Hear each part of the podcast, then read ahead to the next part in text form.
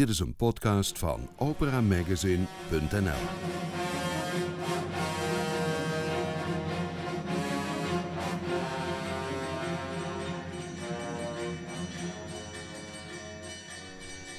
Welkom in Studio Nibelheim. Hier hoort u nieuws, achtergronden en interviews over opera en lied.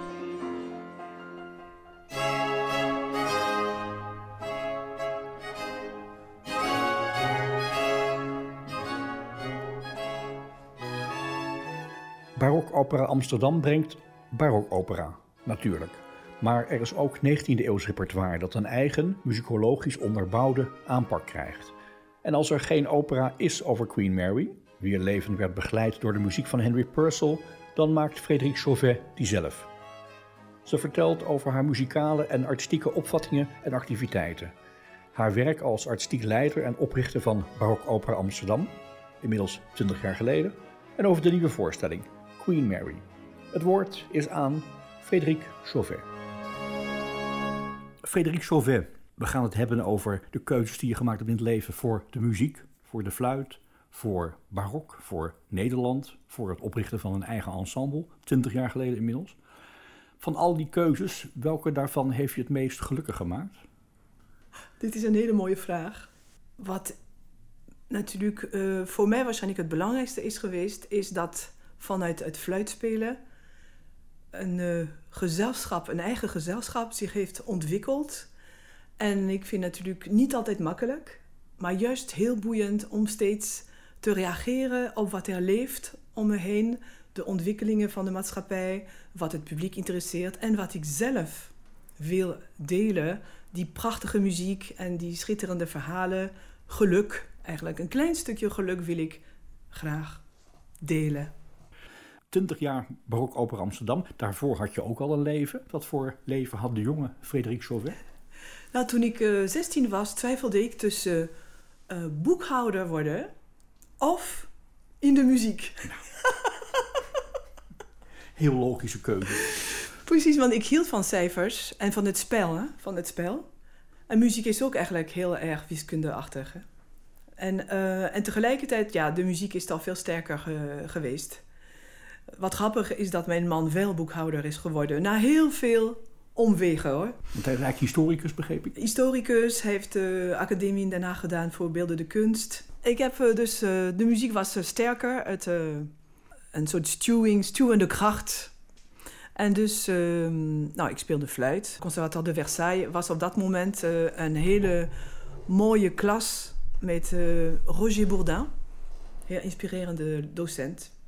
Wat voor leven had je voor die tijd? Ben je in Parijs opgegroeid of op de campagne? Ik, nou, ik ben eigenlijk heel vaak verhuisd. Ik ben in twaalf scholen geweest, zeg maar, lagere middelbare school. Mijn vader werkte voor een oliemaatschappij. En uh, dus we verhuisden bijna elk jaar. Uh, ik heb in Canada gewoond, in Algerije, in Marokko, in de Sahara in Algerije. En daartussendoor toch in Parijs. Dat was even wennen na al deze reizen. Maar ik hou van in het buitenland zijn. Dan ben je toch anders. Je bent een ander mens volgens uh, ja, de cultuur waarin je bent. En dat is juist verrijkend. En nu leef ik eigenlijk uh, een derde van de tijd in Frankrijk, want ik heb daar heel veel werken ontwikkeld. En twee derde in Nederland. En dat vind ik uh, heerlijk. Je moest kiezen tussen boekhouden en de muziek. Welke invloeden waren er waardoor de muziek in je leven kwam en die uiteindelijk ook de keuze voor je beroepsweg werd? Mijn ouders dachten, ja, je kunt helemaal niet je leven verdienen met, uh, met muziek ik wilde juist niet zoals mijn moeder, die dus uh, studie had gedaan, maar niet kon werken enzovoort. Je wilde een baan, je wilde werken. Ik wilde zelfstandig kunnen zijn. Maar ik heb toch voor de muziek met de risico's uh, gekozen. Wat was terugkijkend in die periode, dus maar tot het conservatorium, wat was de soundtrack van je leven? En welke muziek hoort er in die soundtrack tot je pakweg achttiende in buitenlanden en in Parijs? Ik hou heel veel van Schubert, Mahler, Zeker toen ik 15, 16 was, ja, die diepgang, dat gevoel. Bach. Ik weet dat ik uh, ging naar het uh, orkest Bernard Thomas in Parijs. En dan speelden ze Bach, uh, Weihnachts en La Messe en En ik heb wel eens gedacht, oh, het zou zo fantastisch zijn om daar fluitiste te zijn van zo'n kamerorkest. Dus juist zo'n kamerorkest met 15, 20 man, dat sprak me altijd aan. Want ja, ik geloof waarschijnlijk omdat iedereen heeft een inbreng en tegelijkertijd maak je het samen. En dan ben je meer letterlijk ook te horen dan in een groot symfonieorkest. Ik hou niet van uh, grote groepen, van uh, uh, de, gewoon simpelweg. Ruimte voor het individu in een ensemble. Ja, precies. En dat is wat ik in Nederland heb gevonden. Ik denk daarom dat, goed, zeg maar, na dus deze vragen over de moderne fluit. Ik vond ook toen ik studeerde in Versailles ook weer dat men veel te veel vanuit een soort traditie stukken interpreteerde omdat men dat zo deed. En toen heb ik gehoord van de oude muziekbeweging met juist een, uh, een eigen lectuur. Dat je zelf gaat zoeken en uh, lezen de bronnen van die tijd en toch enigszins je eigen taal gaat creëren met kennis juist van de, het historisch context. Dat vond ik toen al heel erg belangrijk. Proberen te weten wat de componist bedoeld heeft. Dat wilde ik eigenlijk zelfs voordat ik de oude muziekbeweging ontdekte. Dus dat was eigenlijk perfect op mijn weg. En ik vond Bart Kuiken geweldig spelen. Daar studeerde je bij? Dat, precies. En daarna vooral met Wilbert Hazelzet uiteindelijk. Maar ik vond de klank van de traverso, dat was voor mij echt het antwoord. Want uh, de dwarsfluit, ja, ik hou van Sierings, van Debussy, van dat repertoire. Maar er was iets in, ook zeker nu met de invloed van de oude muziek, is men veel verfijnder fluit bijvoorbeeld gaan spelen. V veel minder vibrato. Toen ik in Nederland kwam, uh, ik zal geen namen noemen, maar er waren fluitisten met enorme vibrato. En daar, kan ik gewoon helemaal niet tegen. Dus ik was juist uh, op zoek naar een soort authenticiteit. En ja, dat kwam natuurlijk perfect. En ook nog dus die, en dat betreft echt het, instrument en de esthetica van het instrument. Dat is dan een ander onderwerp, zeg maar. Dat was wat ik echt vond met de mooie klank van de traverso. Die echt een soort deeg is van klank die je kunt kneden. Ik moet zeggen, ik hou erg veel van Arabische fluit bijvoorbeeld.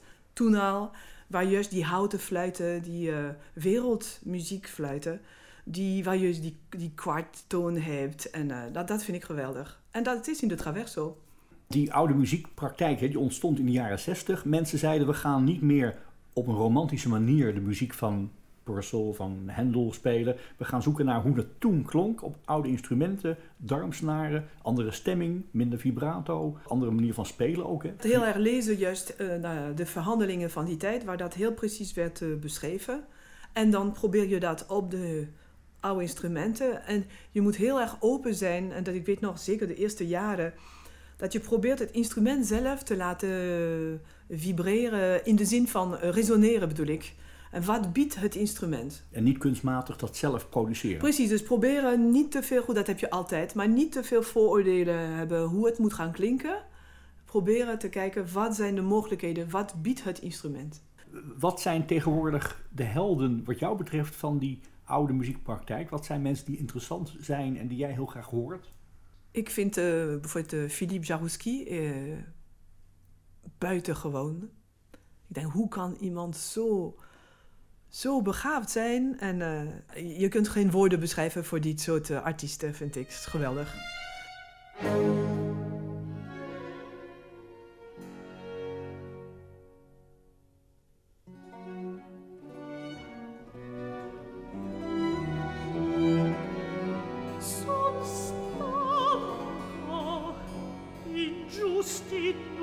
di di soffrire l'ira vostra. A che mi giova l'innocenza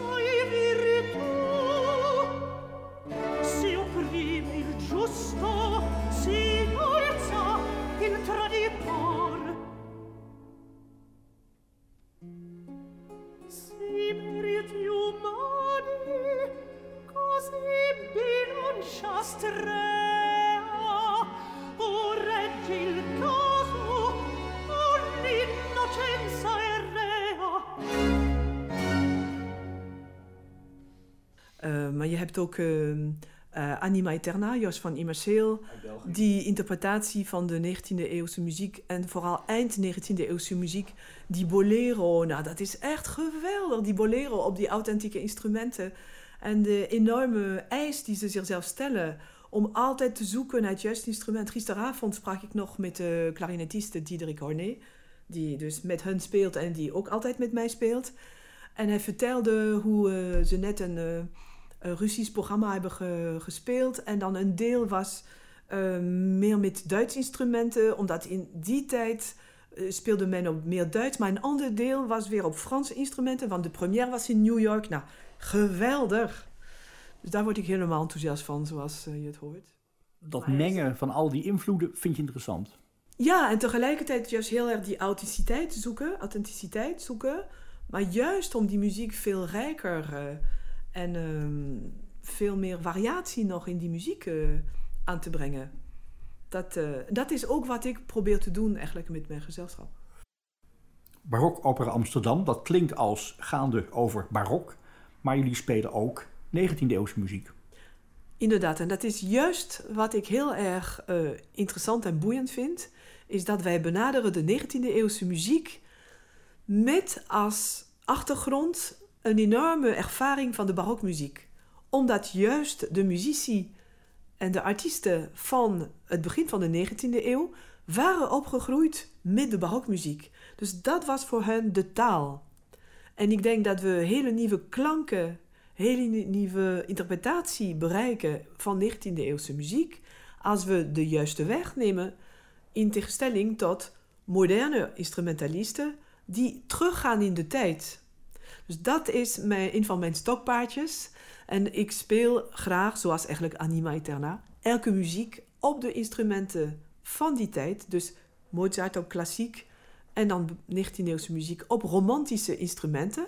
En dat is altijd een beetje een zoektocht, want dat is niet zo gangbaar. En in Nederland, speciaal, dat is speciaal, eigenlijk uh, ja, heel bijzonder in Nederland. En daar ben ik wel trots op. U luistert naar Studio Nibelheim.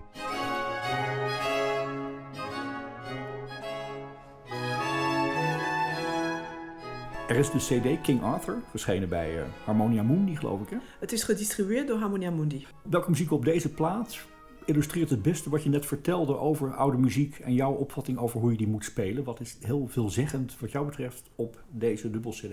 Nou, ik denk bijvoorbeeld aan het, uh, het begin, de offer van de Saxen aan hun goden. Geweldige scène.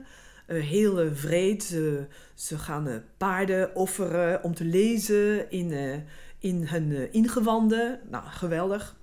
Uh, opera echt, zoals uh, The Lord of the Rings, hè? dat is van die tijd. En dus daar bijvoorbeeld hoop ik in ieder geval dat het overkomt dat we dat theatraal benaderen. Het geluid van Barok Opera Amsterdam van Frédéric Chauvet in Woden First to Thee, het eerste deel van King Arthur.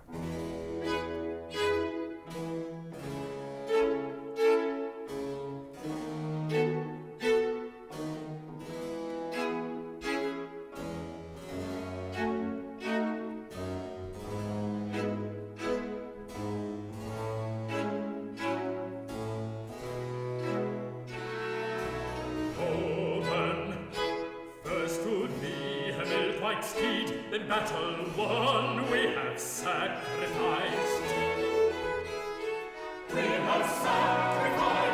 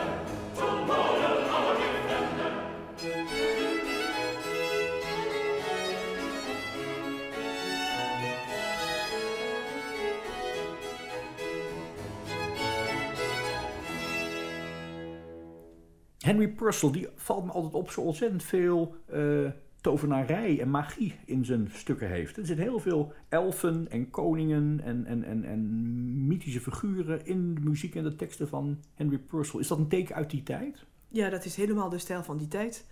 Het is ook zo dat als je fictieve wereld schept, dan kun je veel meer gaan vertellen. Ben je veel vrijer. Dan heb je minder last van voor censuur of... Uh, ja, de vrijheid van meningsuiting was daar niet zo ontwikkeld in die tijd. En het is een wereld van fantasie. Dat is het andere natuurlijk. Uh, en dan kun je, ja, je, je hebt geen beperking. Het is ook zo dat de koningen wilden in het zonnetje worden gezet, natuurlijk. Want zij betaalden. En de kunst heeft nodig dat de machthebbers betalen voor de kunst. En de kunst dan kan hen ook weer um, um, laten bloeien en een macht uh, vertonen. Dus dat is eigenlijk uh, heel veel wat die opera's waren. Uh, en daarom ook de. Er waren heel veel goden. Want de koningen wilden natuurlijk als goden worden uitgebeeld. En later, in de 19e eeuw, als de burgerij belangrijk wordt, dan heb je dus. En het begint al in de 18e eeuw op de kermissen. Daar gaat de burger naartoe. En als de burger iets belangrijker wordt, uh, dan worden steeds meer stukken en operaatjes over de problematiek, de onderwerpen van de burgerij. Um, helemaal terug naar jouw opleiding, Versailles. En daarna wilde je door. Wilde je, heb je een, wilde je een master gaan doen? Was dat het plan voor, uh, voor een volgende stap? Nou, ik had dus mijn diploma van Versailles en ik had de oude muziekbeweging ontdekt. En ik had een mooie Nederlander ontmoet, laat ik het zo zeggen. Ook. De liefde. Tja, op zo'n uh, fluitcursus in Zwitserland, op neutraal terrein. En, uh, en het leven in Parijs vond ik niet zo fijn. Uh, het is heel erg concurrentie, een harde concurrentie. En ook je wordt opgevoed in Frankrijk, tenminste toen ik op, naar, op school ging. Je, je buurman of buurvrouw is een concurrent. En ehm, dat was niet zoals ik het wilde in het leven. Dus het kwam allemaal heel goed bij elkaar. Want de oude muziek, dat was Nederland. Ik had een mooie Nederlander ontmoet. En hij speelde ook nog traverso. En, um, en ik was op zoek naar een andere manier van met elkaar omgaan. En dat vond ik in Nederland, waar men veel meer uh, sociaal is. En juist, het is dan soms ook weer te veel andersom. Hè? Niks is perfect. maar ik, het was voor mij heel uh, verrassend dat juist hier uh, ja, men tracht te bereiken dat iedereen een plaats heeft. Dat een, vind ik een meer egalitaire samenleving dan Frankrijk. Ja, ja, en veel meer solidair. En men zoekt naar consensus. En dat vind ik zo krachtig en zo waardevol. En ik vind het zo jammer in Frankrijk dat het zwart of wit moet zijn. Je ging naar de polder. Um, dan denk je oude muziek, dus Utrecht. Maar je ging naar Amsterdam en Den Haag. Je hebt op twee plekken gestudeerd volgens mij. Ja, want kijk, voor mij was Den Haag de plek met ja, um, Bart Kuiken en Wilbert Hazenzet. Dus dat was daarom echt de plek waar je place to be. En, um, en Amsterdam, dat was voor muziekwetenschappen. Want dat vond ik ook uh, natuurlijk belangrijk als uh, aanvulling. In die tijd was dat niet in de opleiding, dus uh, dat dat je hebt echt apart muzikologie gestudeerd. Om die basis ook te leggen voor je kennis over muziek. Ja, dat, dat lijkt mij heel belangrijk. En je studeerde, las ik, bij Pierre Cao in Parijs. Dirigent, dus later, maar goed, ik was een tijdje afgestudeerd voor uh, Traverso. En dan heb ik, ben ik begonnen eigenlijk ensembles op te zetten. Ja, ik had een soort A, droom, al toen ik twintig was. Als ik ooit ouder ben, 50 of zo, heel rijp, dan zou ik willen dirigeren. En waar dat vandaan kwam, weet ik niet.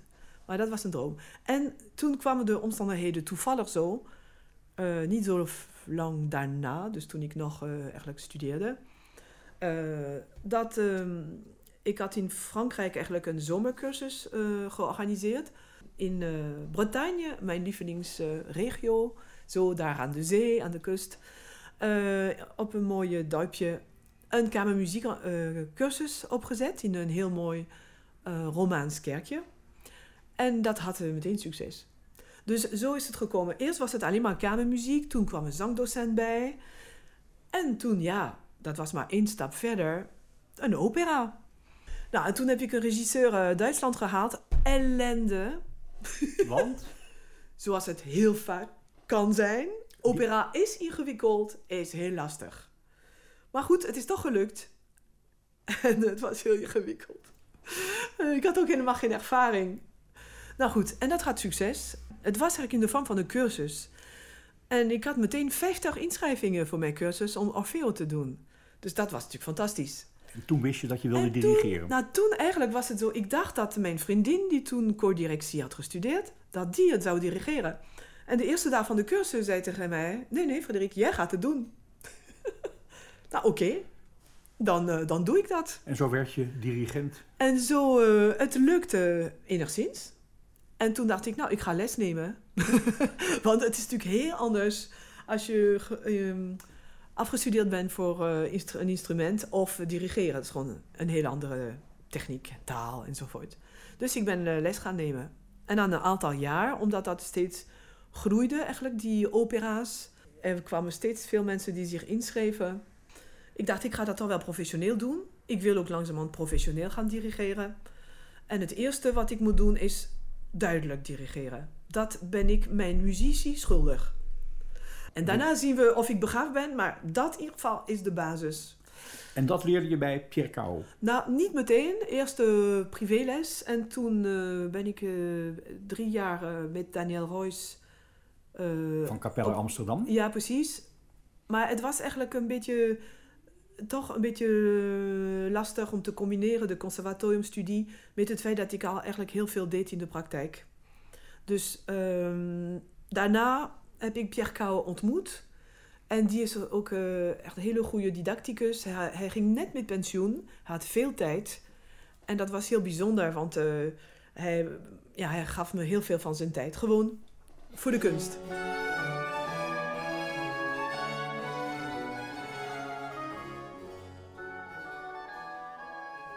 Muziek maken, dirigeren, maar ook ondernemen. Die drie rode draden die zitten heel erg in jouw verhaal verweven. Want je bent ook altijd bezig met dingen op te zetten. Zoals je in Nederland 20 jaar geleden Barok Opera Amsterdam opzette. Was er een, hoe heet zoiets, een bedrijfsplan? Was er een aanvraag? Was er een basisidee van waarop je het oprichten van Barok Opera Amsterdam hebt gebaseerd? Nou, meestal uh, zijn het, uh, is het een samenloop van omstandigheden dat dingen bij elkaar komen. En ik denk in ons vak is dat heel vaak zo. Je hebt de opportunities of zo. Dat het samenkomt. En um, ik had, het was uh, Purceljaar. Dat was de aanleiding in uh, 1995. Hij was hij 300 jaar dood, hè? 1695 overleden. Precies. Nou, en dat moest gevierd worden, want dat is gewoon mijn componist. Uh, toen heb ik King Arthur gebracht in Frankrijk, en toen dacht ik, Purceljaar, dat is het moment om er die stap te zetten en in Nederland uh, me, te gaan presenteren. Want daarvoor was het alleen maar in Frankrijk. En uh, naar theaters toe te gaan. Wat ik uh, voorstelde voor zo'n productie was eigenlijk heel, totaal nieuw in, in Nederland. En het was een tijd dat het financieel makkelijker was, waar theaters meer risico's durfden te nemen. Dus het waren uitkoopsommen van 10.000 euro. Of zo. Een gouden tijd. Ja, precies. Um, en toen uh, weet ik nog, ik heb een paar theaters aangeschreven. Zwolle en Hein Spanjaard toen. Heeft mij ook vertrouwd. Ik zal nooit vergeten het telefoongesprek. Ik belde na. Ik had geen idee, hè? dit was helemaal nieuw. Ik vroeg, wilt u dat ik u vertel waar het over gaat? Hij zei, nee, dat, al die opera's gaan over liefde, dus dat hoef je me niet te vertellen. Maar ik doe het, ik vertrouw je. Nou, dat was een fantastische start. Dat heb je zo- nodig, zoiets. Dat heb je nodig, precies. En zo waren er nog twee andere theaters. Ik had toen zeven voorstellingen, zal ik mooi getal. En dat was zo goed, een begin.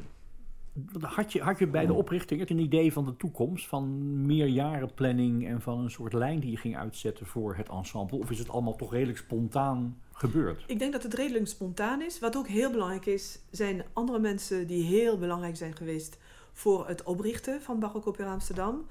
Eh, dat is mijn man, De historicus, annex boekhouder precies, en die ook kunstacademie heeft gedaan. en artiest. En ehm, die dus natuurlijk heel goed de financiën kan doen. En met wie ik eh, heel goed kan eh, van gedachten wisselen. Over het historisch context en, eh, enzovoort. En de dagelijkse steun. in een toch een druk leven, want je bent veel aan het doen. En wat je doet is dirigeren, organiseren, produceren, Fluiten, fluiten, niet te vergeten. Ja. Inderdaad. En ook, ehm, ik heb ook natuurlijk eh, ook in Frankrijk veel ontwikkeld. En het is natuurlijk heel erg eh, vruchtbaar om de middelen te kunnen bundelen van de Franse stichting met wie we altijd samenwerken.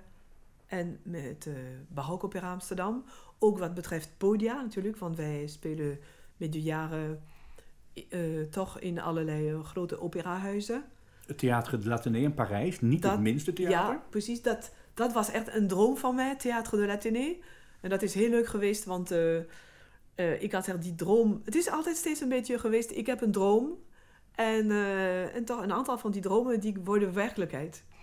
En dus het toeval wilde dat, dat ik gevraagd werd voor een, een grote tournee van het Philidor Ensemble in Frankrijk. Van ehm Così van tutte, een bewerking voor blaasinstrumenten en contrabas. En juist omdat ik vaak dit soort bewerkingen heb gemaakt, speciaal van Mozart, eh, Nozze di Figaro, Zauberfleuten, Don Giovanni. Don Giovanni. Daarom ook werd ik gevraagd om daar eerste fluit te zijn. En dat was een flinke partij, want dus zonder strijkers. En de première was in Théâtre de l'Athénée. Dus zo kon ik natuurlijk makkelijk kennis maken met de directeur.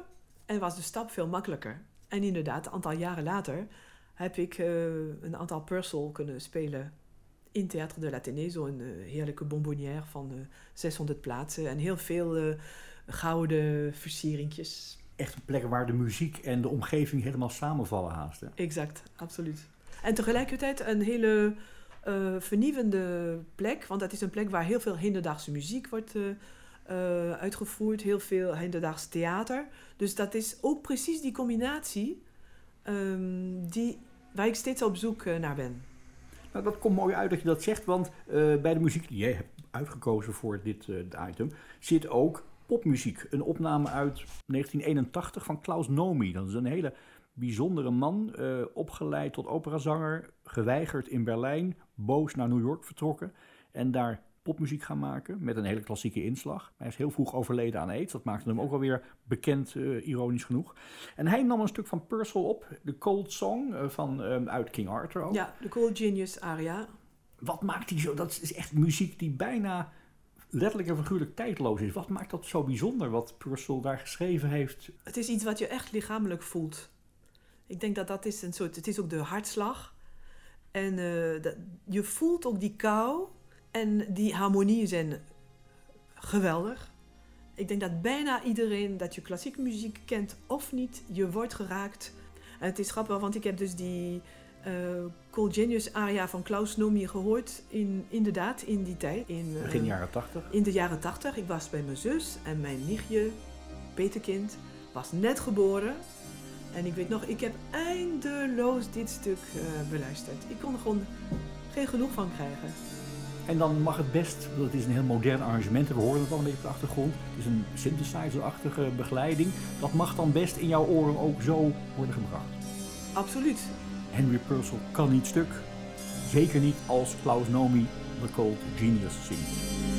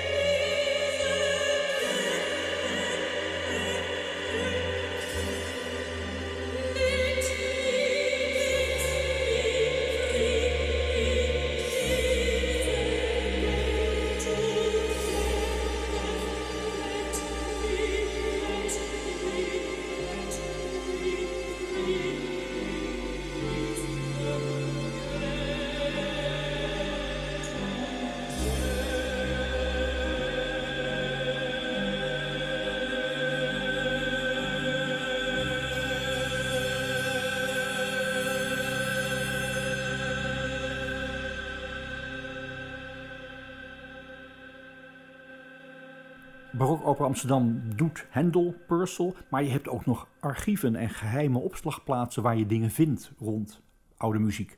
Waar vind je dat soort stukken die je ook brengt? Nou, wat ik juist zo interessant vind is uh, de collectie van het Théâtre Français de la Haye. Dat is een geweldige collectie van partituren, orkestpartijen, compleet, uh, libretti van opera's en Frans theater, Franse opera, Frans theater. Uh, dat lag in het Nederlands Muziekinstituut en dat is gered gelukkig door het gemeente Den Haag na de bezuinigingen. En je kunt nog bereiken bij het archief van de gemeente. En dus dit is een collectie van 300 jaar opera en theater dat direct kwam uit Parijs. Dat waren de, net de, de verse premières. Die werden in Den Haag gespeeld. Maar ook trouwens in Kopenhagen, in Brussel, in Wenen. De grote steden van Europa. En het is uh, in Parijs, zeg maar, de Bibliothèque Nationale, waar ik ook heel vaak ben geweest, uh, waar je waanzinnige schatten hebt, is, was vooral niet zo toegankelijk. Nu wat beter. Um, terwijl die collectie, zeker toen ik begon, twintig jaar geleden me voor te interesseren, was zo dat je kon zelfs die boeken zien van toen.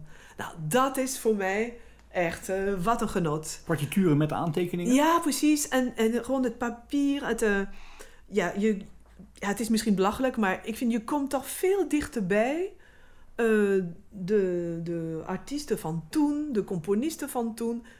Ja, dat is in ieder geval het gevoel dat het mij geeft. Dus um, het is ook natuurlijk interessant, want het is Frans. En het is een heel repertoire dat niet zo vaak is gespeeld.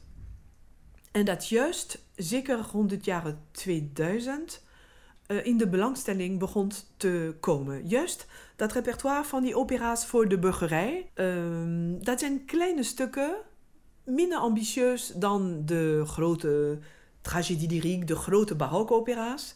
Maar ook weer uh, waar je heel veel inbreng kan hebben. Want het valt op staat uh, hoe je ze interpreteert. Het kan gewoon niks zijn en het kan geweldig zijn. En dat is juist als artiest, daar heb je zoveel mogelijkheden. En um, in Den Haag was al een hele traditie, onder andere door die collectie. Uh, ook omdat Den Haag natuurlijk was de stad van de stadhouder. Dus als er een hof was, hofleven was, met vooral buitenlandse diplomaten die gewend waren aan opera. Dus in Den Haag was die traditie steeds. En het is in 1804 dat dus de nieuwe schouwburg, de huidige schouwburg, is gebouwd. Maar daarvoor werd gespeeld, zelfs uh, op uh, kats... Kaatsbanen. Kaatsbanen, ja. omdat dat gewoon rechthoekig is. Ja. Heel grappig En daar eigenlijk. komt publiek in en dan kon je spelen. precies. Maar het had niet zo'n goede akoestiek trouwens. Maar goed, je went eraan ook in onze branche, genre. Je moet ook in hele droge akoestiek kunnen spelen. Dat oude operatheater in Den Haag, wat we nu kennen als de Koninklijke Schouwburg, dat is een van jouw plekken waar je komt en waar de première is van Queen Mary. Is het een soort jubileumproductie, kan je dat zo zeggen? Ja, zeker. Het is onze 20ste jubileum. Mooi getal, hè? Twin- 2000, 2020. En uh, voor dit jubileum heb ik dus gekozen om een uh, semi-opera à la Purcell te brengen. Zelf gemaakt? Zelf gemaakt. Omdat ik heb heel veel semi-opera's van Purcell uitgevoerd. King Arthur, The Fairy Queen. Tempest is een beetje, niet helemaal incidental music, noem je dat, maar toch. Uh, nou ja. En ik dacht, uh, het gegeven van Queen Mary is heel interessant historisch. Want Queen Mary was getrouwd met Willem III van Oranje, onze stadhouder. En ze regeerden ook samen af en toe. Als hij er niet was, dat mocht is zij het. regeren. Ze waren koning en koningin. Dus dat vind ik natuurlijk als vrouw ook een leuk gegeven. En er zijn de betrekkingen tussen Nederland, Engeland en Frankrijk. En dat is wat mij aan het hart gaat. Jouw muzikale leven is Engeland, Frankrijk, Nederland. Exact. Ja. exact. En uh, het is ook een blik naar het Europa van het einde van de 17e eeuw. Uh, voor mij Europa is heel belangrijk. En uh, het is heel wezenlijk juist het besef van geschiedenis. Want je begrijpt het beter, je begrijpt het heden zoveel beter. En je kunt het meer beoordelen als je weet waar het vandaan komt. En ik heb een hele simpele conclusie. Kijk, eind 17e eeuw, ze waren constant in oorlog met elkaar. Dus zelfs met de zwakke punten van Europa, het is toch nu beter. Hoe ben je begonnen? Want je hebt muziek gebruikt van Henry Purcell. Uitsluitend Purcell. En dat zijn dus de muzieken voor Queen Mary, die geweldige odes voor uh, Mary's Birthday. Um, of natuurlijk de funeral muziek. In 1994 uh, is Mary op plotseling overleden. Uh, en Purcell heeft haar funeral muziek kunnen schrijven. Mary was zeer geliefd. Het was echt totale rouw in Engeland en in Londen. Purcell heeft dus um, de verschillende en de belangrijke momenten van het leven van Willem en Mary uh, op muziek gezet. Dat was ook zijn functie als hofcomponist. Purcell was zo geniaal dat hij eigenlijk al hofcomponist was geweest van Charles II, James II. Maar toen James leek katholiek te worden, omdat hij trouwde met een Portugese prinses en een zoon dreigde te krijgen, toen uh, wilde Engeland geen katholieke opvolger hebben. En de krachten waren heel sterk juist om naar Nederland te kijken. En natuurlijk door het feit dat Mary en Willem getrouwd waren. En dat was eigenlijk al voorbereid sinds jaren. En door de hele 17e eeuw is het zo dat uh, de Oranjes hebben altijd geprobeerd te trouwen met de Engelse vorsten. Want dat was ook volgens mij, als ik me niet vergis, iets hoger komen in de hiërarchie van de vorstenhuizen. Het wereldrijk Engeland. Precies. Hoewel het wereldrijk, Engeland is echt wereldrijk geworden in de 18e eeuw. Ook dankzij Willem. En dat is ook een leuk gegeven. Want uh, Willem heeft uh, dus uh, geregeerd tot 1702.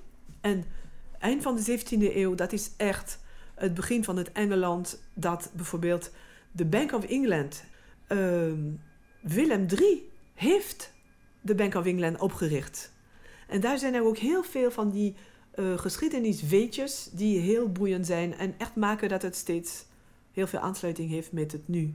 Helemaal terug naar de kern van Queen Mary. Wat is werkend aan die voorstelling, lezend, schrijvend, uh, producerend? Uh, wat ben je van er te weten gekomen door het maken van Queen Mary? Ik zal zeggen, eerst Queen Mary was gek op de muziek van Purcell. ik maak het heel simpel. De huiscomponist. Um, kijk, Mary op zich... Het schijnt dat ze toch niet heel erg uh, op regeren was.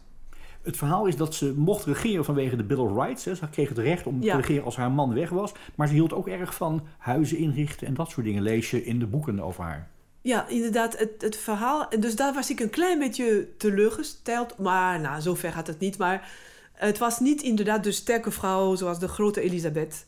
Uh, maar dat geeft niks. Toch het feit dat zij uh, kon regeren als Willem op oorlogspad was, dat vind ik mooi. En uh, onze voorstelling gaat uiteindelijk ook heel veel over Willem III. En Sibrand van der Werf, dus de regisseur, heeft heel veel onderzoek gedaan heel veel uh, geschriften van die tijd verzameld. Dat heeft hij echt uitstekend gedaan. En uh, heel mooi zo hebben we samen de leidraad kunnen maken. Ik heb natuurlijk de muziek geko gekozen. We hebben de verschillende stappen in hun leven. We hebben natuurlijk de kroning. Uh, daarna de eerste jaren dat Mary werd vergeleken met de grote Elisabeth. Dat zij een nog grotere toekomst zou hebben. En dat hoor je juist in die birthday odes. En dat is wat ik zo interessant vind eigenlijk, is dat die muziek is niet alleen maar gelegenheidsmuziek, zoals het vaak in de concerten uh, overkomt, zo.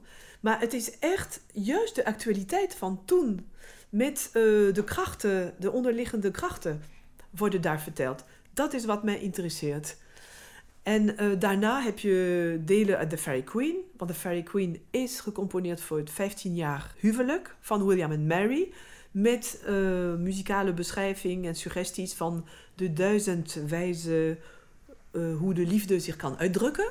En daarna hebben we King Arthur. Want ook interessant om te weten dat de semi-opera King Arthur is gecomponeerd door Purcell. Eerst trouwens voor Charles II maar die is te vroeg overleden om, dat, zodat het voor hem is uitgevoerd.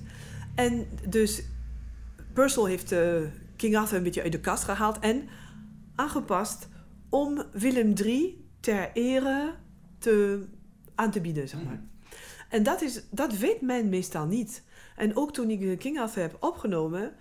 en toen we ook de voorstelling hebben gemaakt... was de vraag altijd... wat doen we met de stukken van acte 5? Oké, okay, het zal voor niet iedereen een vraag zijn in zijn leven... wat doen we met acte 5 van King Arthur? Voor mij was dat een belangrijke vraag... Want het lijkt zo allemaal gelegenheid oppervlakkige muziek. Maar dat is het niet. En toen ik dus die voorstelling met Siebrand heb gemaakt, heb ik begrepen opeens, dit is muziek ter glorie van Engeland. En kijk, in King Arthur is het zo dat het verhaal, de legende, is afgelopen aan het eind van acte 4. In die tijd had je enorme machinerie en uh, enceneringsmogelijkheden, spektakel. om die stukken uit te beelden. Maar er was toch, zelfs één keer had ik het gezien bij uh, William Christie in Frankrijk. Oké. Okay. Les Arts Florissants. Les Arts Florissants, heel mooi spektakel. Maar ik zocht nog iets meer en toen wij deze productie maakten, dacht ik, dat is het. Ze zijn trots. En ik ben zo gek op die trio, dus bariton, tenor, counter, tenor, voor Folded Flocks. Uh, het gaat dus over de, de schapen, over de wol, over het goud, over de mijnen. En dat zijn volgens mij gewoon drie Engelse burgers die helemaal trots zijn hoe hun land rijk is en hoe zij hun land rijk maken. En op deze manier, als je dat zo uh, beleeft, dan wordt dat stuk geweldig. Daar hou ik van, dit soort dingen.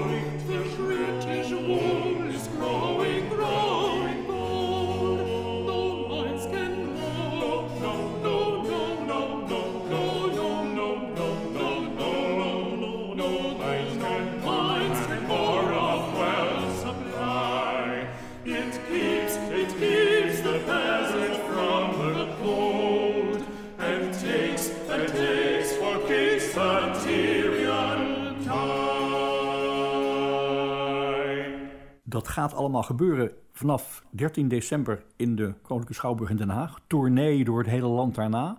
Je hebt vier goede zangers. Je hebt Marije van Stralen, Oscar Verhaar, Matthijs Hogendijk en good old Pieter Hendricks, die al heel vaak bij Barok Opera Amsterdam gezongen heeft. Je hebt een goede dirigent, namelijk jezelf. Je hebt een goede regisseur, Simon van der Werf. En gelukkig, want de tijd dringt nu een beetje.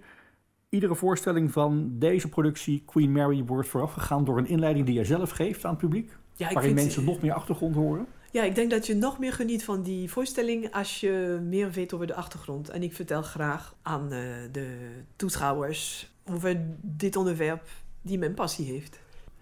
En dan komen er weer nieuwe producties, want Barok Opera Amsterdam heeft 20 jaar erop zitten, maar gaat gewoon door, denk ik. Ja, zeker. En we gaan een beetje een nieuwe weg inslaan. Barok Opera 2.0. Wij gaan een reeks uh, producties brengen waar opera uh, gaat fysiek theater ontmoeten, fysiek opera. Dat is dus circus, street dance, mime. We maken nu echt een uh, project over uh, vijf jaar met een nieuwe regisseur, Vincent van den Elshout, uh, Vlaams-Nederlandse regisseur, die heel erg gespecialiseerd is juist in die beeldtaal dit wordt uh, een nieuwe weg. Ik denk dat dat heel belangrijk is na 20 jaar. En dat begint met Offenbach, geloof ik. Het begint met reis naar de maan. En de maan fascineert steeds iedereen. Reis naar de maan van Offenbach. À ne pas manquer, zeggen ze in Frankrijk. Absolument. Dankjewel, Frederik Chauvet. Dit was Studio Nibelheim, een podcast van operamagazine.nl. Productie François van den Anker. Kijk voor al het opera nieuws op www.operamagazine.nl.